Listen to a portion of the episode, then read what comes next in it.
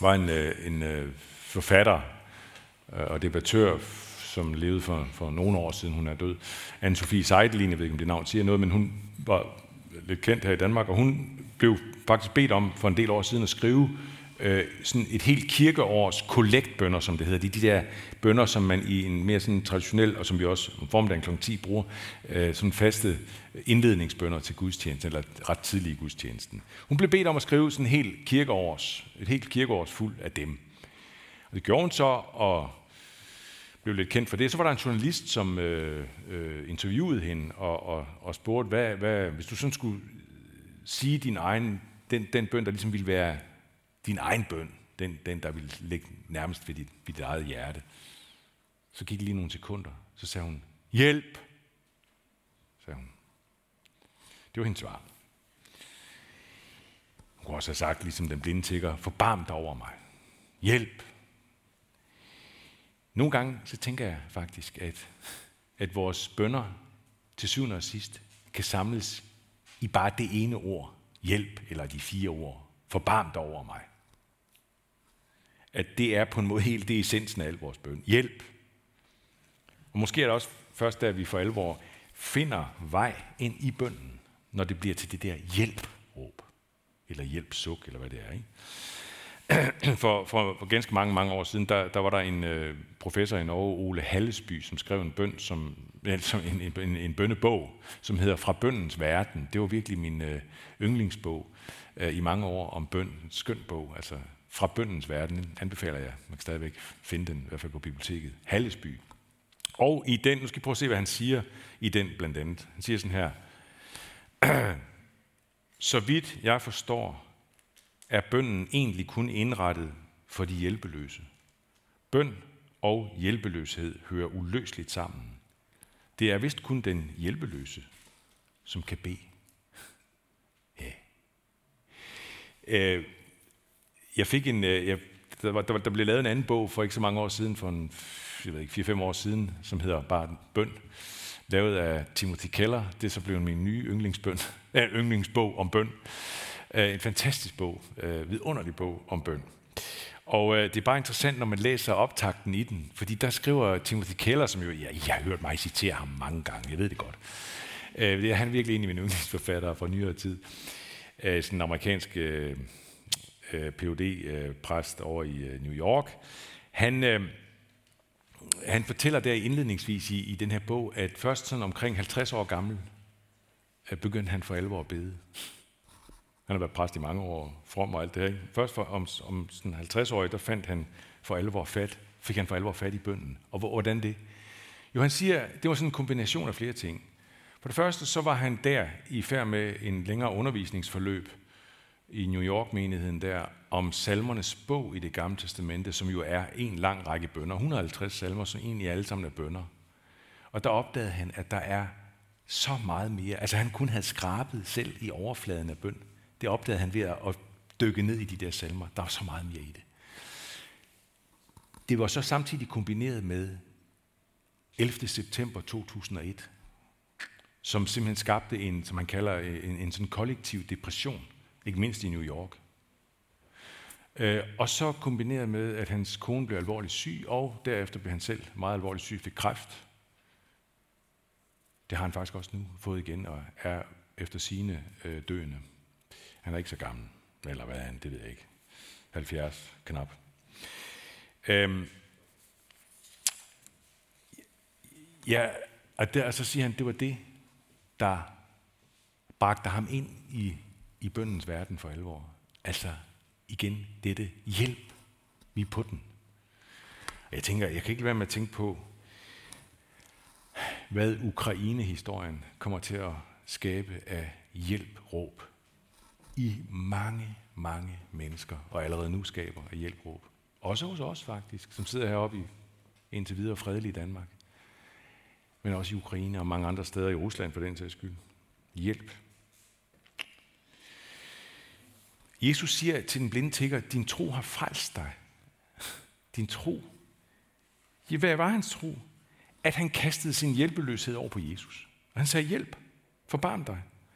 Og der finder vi også kernen i vores tro.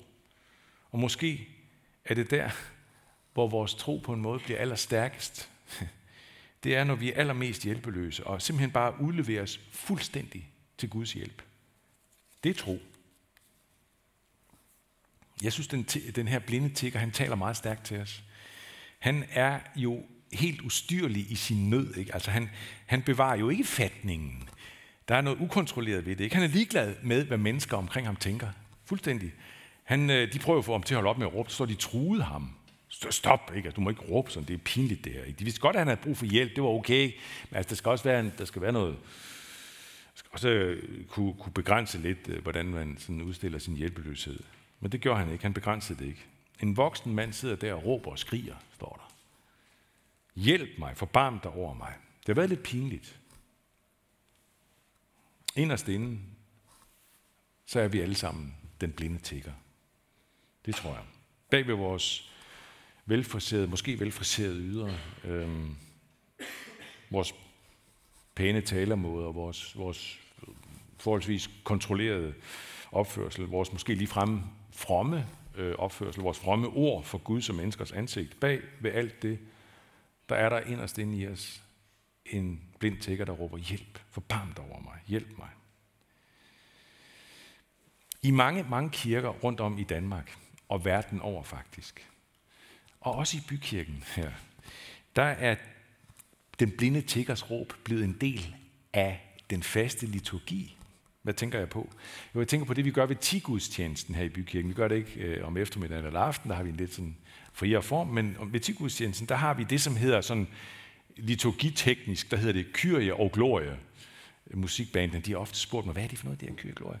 Øh, men øh, øh, det er øh, bare et udtryk for, for dels den her, som vi altid, som, som I har sikkert været med til det nogle gange og synge det, ikke også? Herre Gud, forbarm du dig. Ikke også? Det er sådan, vi synger den her, ikke? Vi synger den på nogle andre måder andre steder. Øhm, og det er øh, og, det, og det er taget ud af, når det hedder Kyrie, så kommer det der glorie, det er den der, evige Gud, vi tilbeder dig, dim, dim, dim, den der kommer bagefter, ikke også? Men det der Kyrie, kyrie, det betyder herre, herre Kyrie i læseren, hedder det på græsk. Herre, forbarm dig. Og det er faktisk rent liturgihistorisk taget ud af den blinde tiggers bøn. Forbarm dig over os. Det blev til en liturgibøn. De troede af ham, ti dog stille, og nu er der 100 millioner af mennesker verden over, som hver eneste søndag råber det. Og det er blevet sat ind som en del af gudstjenesten. Vi synger det pænt og nydeligt, vi synger det meget smukt her i bykirken, synes jeg. Ja, det gør vi da, men derfor kan vi godt lægge hele vores sjæl i det. Derfor kan man godt i virkeligheden sidde og skrige det, selvom vi sidder og synger det pænt. Man kan godt sidde og råbe det. Vi kan skrige det inden i os, og selvom vi ikke lige har det med øh, ved vores 12.30 eller 19.30 gudstjeneste, så er det jo alligevel med i sangen og salmer og bønder og så videre. Det er det jo, så man kan godt råbe med på vores måde. Ikke? Hjælp mig Gud. Det er, hvad jeg har brug for at sige til Gud, med tanke på et hav af små ting og store ting i mit liv. Hjælp mig. Jeg kan ikke selv. Jeg er hjælpeløs. Og tiggeren, han fik hjælp. Han råbte til en, som var endnu mægtigere, end han havde forestillet sig. Han havde, der var et rygte om Jesus, det er tydeligt, da han spørger, hvem er det, der kommer der? Så siger det, det er Jesus fra Nazareth. Okay, der var et rygte der ikke om Jesus, så han råber om hjælp. Men det han får, det overgår fuldstændig hans rygte, hvad han har forventet, tror jeg. Jesus, der kommer hen og siger til ham, bliv seende, eller som der står i grundteksten på græs, der står ikke bliv seende, der står bare, se. Det er helt suverænt. Se. Og så ser han. Det er næsten som, næsten som at læse skabelsesberetningen, hvor du har det her helt i starten, ikke? hvor der står, Gud sagde, der blev lys, og der blev lys. Altså, bare sådan nogle få ord, der blev lys, og spytter bare lys i universet. Var det Gud selv, der stod der uden for Jericho og talte til den blinde? Se. Stod Gud der på et af jordens allerlaveste punkter. Jericho, det er jo 200 meter under havets overflade. Hvis nogen af jer har været i Israel, så ved I det. Det er langt nede. Var det Gud, der stod der og sagde det? Så står der til sidst i det, jeg læste, der står der, Han fulgte ham og priste Gud. Altså den blinde tigger fulgte Jesus og priste Gud. Og det kan man jo godt forstå. Men må han forstod, at ham, som han fulgte, at det var Gud selv i menneskeskikkelse. Ja, hvad ved vi? Men vi ved altså, at han fulgte ham. Og med meget stor sandsynlighed ved vi, at han fulgte ham helt til Jerusalem og videre. Hvordan ved vi det? Jo, sagen er den, at den her beretning om den blinde tigger uden for Jericho, den har vi også i to andre evangelier, nemlig Matthæus og Markus. Og Markus giver os navnet på ham. Bartimeus, Timeus' søn, står der. Og det er meget bemærkelsesværdigt, for de få gange, vi får et navn i nogle af evangelierne, udover disciplenavn og Jesus og hans mor Maria og sådan noget, de få gange, vi får nogle navne af dem, der har fulgt med Jesus, så er det fordi, at de har været kendt i urmenigheden, i de første kristne menigheder. De har været kendte navne simpelthen. Det er derfor, vi får dem i evangelierne. Det er der historikere, der kan fortælle os. Så han har fulgt ham med meget stor sandsynlighed hele vejen op til Jerusalem. Til det sted, som Jesus lige havde kort før fortalt til sine disciple, at han skulle op til. Se, vi går op til Jerusalem. Og der skal menneskesønnen, siger han, og det er jo sådan, han ofte omtaler sig selv sådan i tredje person, menneskesønnen. Men det er ham sig selv, han, han taler om. Der skal jeg overgives, hånes, mishandles, spyttes på, piske, slås ihjel og opstå tredje dag. Og der er det altså, at Bartimeus først er, er, er dernede i Jericho, ikke også? Og, og, i, og oplever, at det er som om han, ja, det er næsten som om han ser Gud selv der, eller der er noget helt guddommeligt der, ikke? Og så bevæger han sig sammen med Jesus og fra Jericho op til Jerusalem, det er ikke så vældig langt. 800 meter over havets overflade, det er op i nogle bjerge, Jerusalem ligger. Og der ser han en Jesus, som virker fuldstændig gudsforladt under hån, pisk, mishandling og korsfæstelse. Jesus havde fortalt sine disciple, som sagt, for inden, og der står meget, der står sådan i tre sætninger, de forstod ingenting af det. Ingenting. Og de forstod det heller ikke, da det skete. Der forstod de endnu mindre af det. Men lige netop om det, der skete der i Jerusalem, kom de jo sidenhen til at tale om, skrive om, synge om, lovprise om det, der skete i Jerusalem.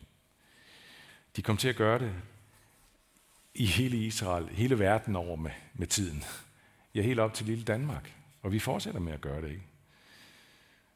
Jericho, det var et fantastisk øjeblik for den blinde tigger. Det var et fantastisk øjeblik for ham og for de 50-100 mennesker, der har stået omkring og kigget på det.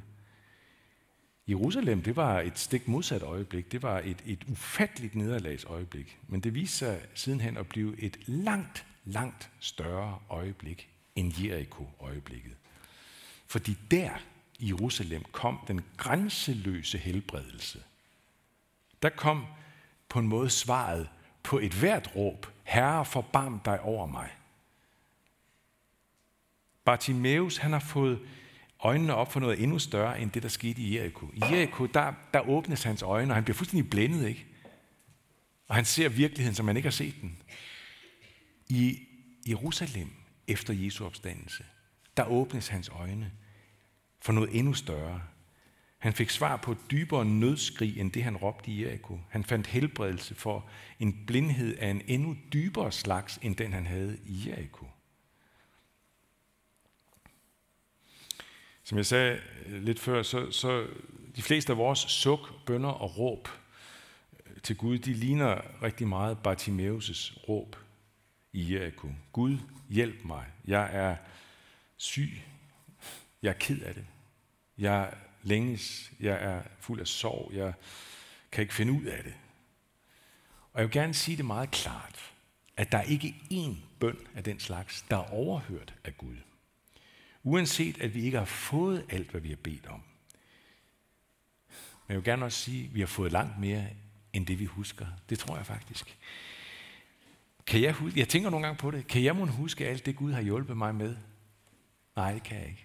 Jeg er meget bedre til at huske de der gange, hvor jeg synes ikke rigtig, at Gud har givet mig det, jeg har bedt ham om. Men alle de gange, han har givet mig det, jeg har bedt om, og alle de gange, jeg ikke har bedt om det, alligevel har han givet mig og velsignet mig. Det husker jeg ikke nær så godt. Der kunne siges rigtig meget mere om det, det vil jeg gerne lige sige sådan lidt parentetisk, der kunne siges meget mere om det, øh, med de ikke besvarede bønder, for det er et stort tema, ikke også? Men hvis jeg skulle give et meget kort svar på det, ikke, så er det dette, at Gud, han kender den lange bane for os på en måde, som vi slet, slet ikke kan få øje på.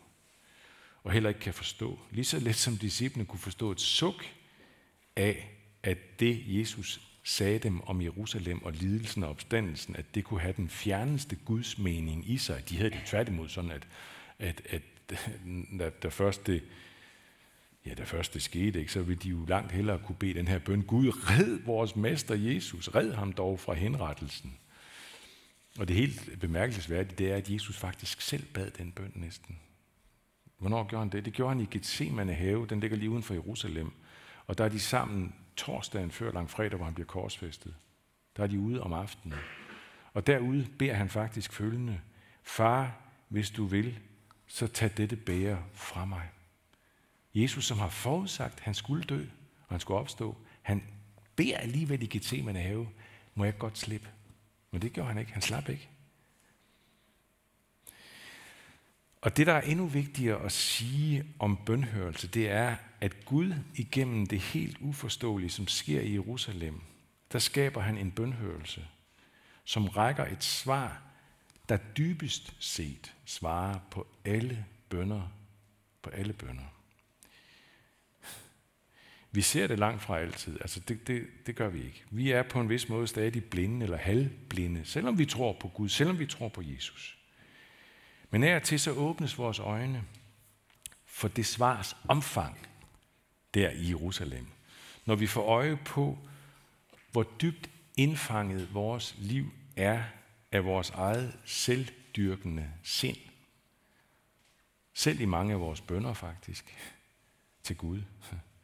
Og når vi får øje på, hvor dybt hele den mørke Ukraine-historie og alle andre mørke historier i verden, hvor meget det har sine rødder i vores egen uhelbredelige indre ondskab. Når vores øjne fra tid til anden bliver åbnet og ser det, ja, så kan de også åbne sig nogle gange for at se Guds svar på den der enorme nød. Den enorme nød, som kan skabe noget så uhyggeligt som det, der sker i Ukraine. Og hvad er Guds svar? Det er Kristus på korset, der bærer hele verdens ondskab med sig derop. Det er Kristus, der tager alt skyld på sig. Og det er Gud, der igennem Kristus forsoner verden med sig selv. Og gennem Jesu opstandelse sender et ufatteligt håb til os alle sammen. Jeg redder dig til sidst. Øh, Margrethe, min kone, fortalte mig, jeg så den ikke lige selv, hun fortalte mig i går, øh, jeg tror det var i tv-avisen eller noget, der, der, der var der lige, der så hun bare en øh, ukrainer, som bor i Danmark, og jeg ved, nogen af jer, der også så det, som siger, hun bliver interviewet der, så siger hun, men er Gud for os, hvem kan der være imod os? At det der enorme håb der, som er i, at vi bliver reddet til sidst, uanset. Altså, godt være, at du halter gennem dit liv, kan også være, at du halter rigtig meget gennem livet. Det kan være, at du ikke får det ægteskab, du har drømt om. Det kan være, at du ikke får det CV, du har drømt om. Men du bliver totalt blændet, når du til sidst, hvor det, alle, det, det hele ser mest håbløst ud. Død, døden banker på, ikke? Og, og der er ligesom ikke mere at gøre. Det ligner et ultimativt nederlag. Nu er det slut. Punktum, ikke? Lige der, der kommer det blændende lys og den ultimative sejr. Og det samme gælder også, når vi kigger på det der uhyggelige potentiale, som ligger i Ukraine-krisen og krigen nu. Og som i værste fald kan føre til det, som øh, DR-journalist Steffen Gram sagde her forleden i tv, hvor han siger, at det her kan godt blive til Ragnarok. Et fuldstændig sammenbrud i verden. Et Ragnarok efter en atomkrig, som kan ende med at være menneskehedens slutpunkt. Ja, slutpunkt. Men lige der, der ved vi, at det allerstørste, det mest blændende lys kommer, når han kommer. Ham, der sagde, se. Og vi får et ufatteligt syn at se af den nye verden. Nu skal jeg til at slutte. Og det vil gerne slutte med at sige, at øh, Vores nuværende syn, øh, det kan, som jeg sagde før, det kan, det kan som sagt være halvblindt øh, og lidt flimrende indimellem, næsten også helt blindt. Sådan kan det være. Også selvom vi tror. Og derfor er det, at vi har brug for igen og igen at råbe det her, synge det, Herre Gud, forbarm dig. Det er brug for igen og igen. Og derfor var det også, at Paulus, og det skal I lige have til sidst et citat, at Paulus øh, skriver, som han gør til menigheden i Efesus. Prøv at se, hvad han skriver, og hvad han beder om for dem. Han gør sådan her. Jeg beder om, at vor Herre Jesu Kristi Gud, herlighedens far, vil give jer visdoms- og åbenbaringsånd til at erkende ham med jeres hjertes øjne oplyst, så I forstår, til hvilket håb han kaldte jer, hvor rig på herlighed hans arv til de hellige er, og hvor overvældende stor hans magt er hos os, der tror i kraft af hans mægtige styrke. Ja, det bad han om for dem i Efesus. Og øh, vi har brug for at blive ved med at bede om det, både for os selv og for, for alle andre. Lov, tak og evig ære være dig, hvor Gud, Far, Søn og Helligånd, som var, er og bliver en sand treen i Gud, højlovet fra første begyndelse nu og i al evighed. Amen. Og så vil vi rejse os og sammen sige forsagelsen og bekende troen.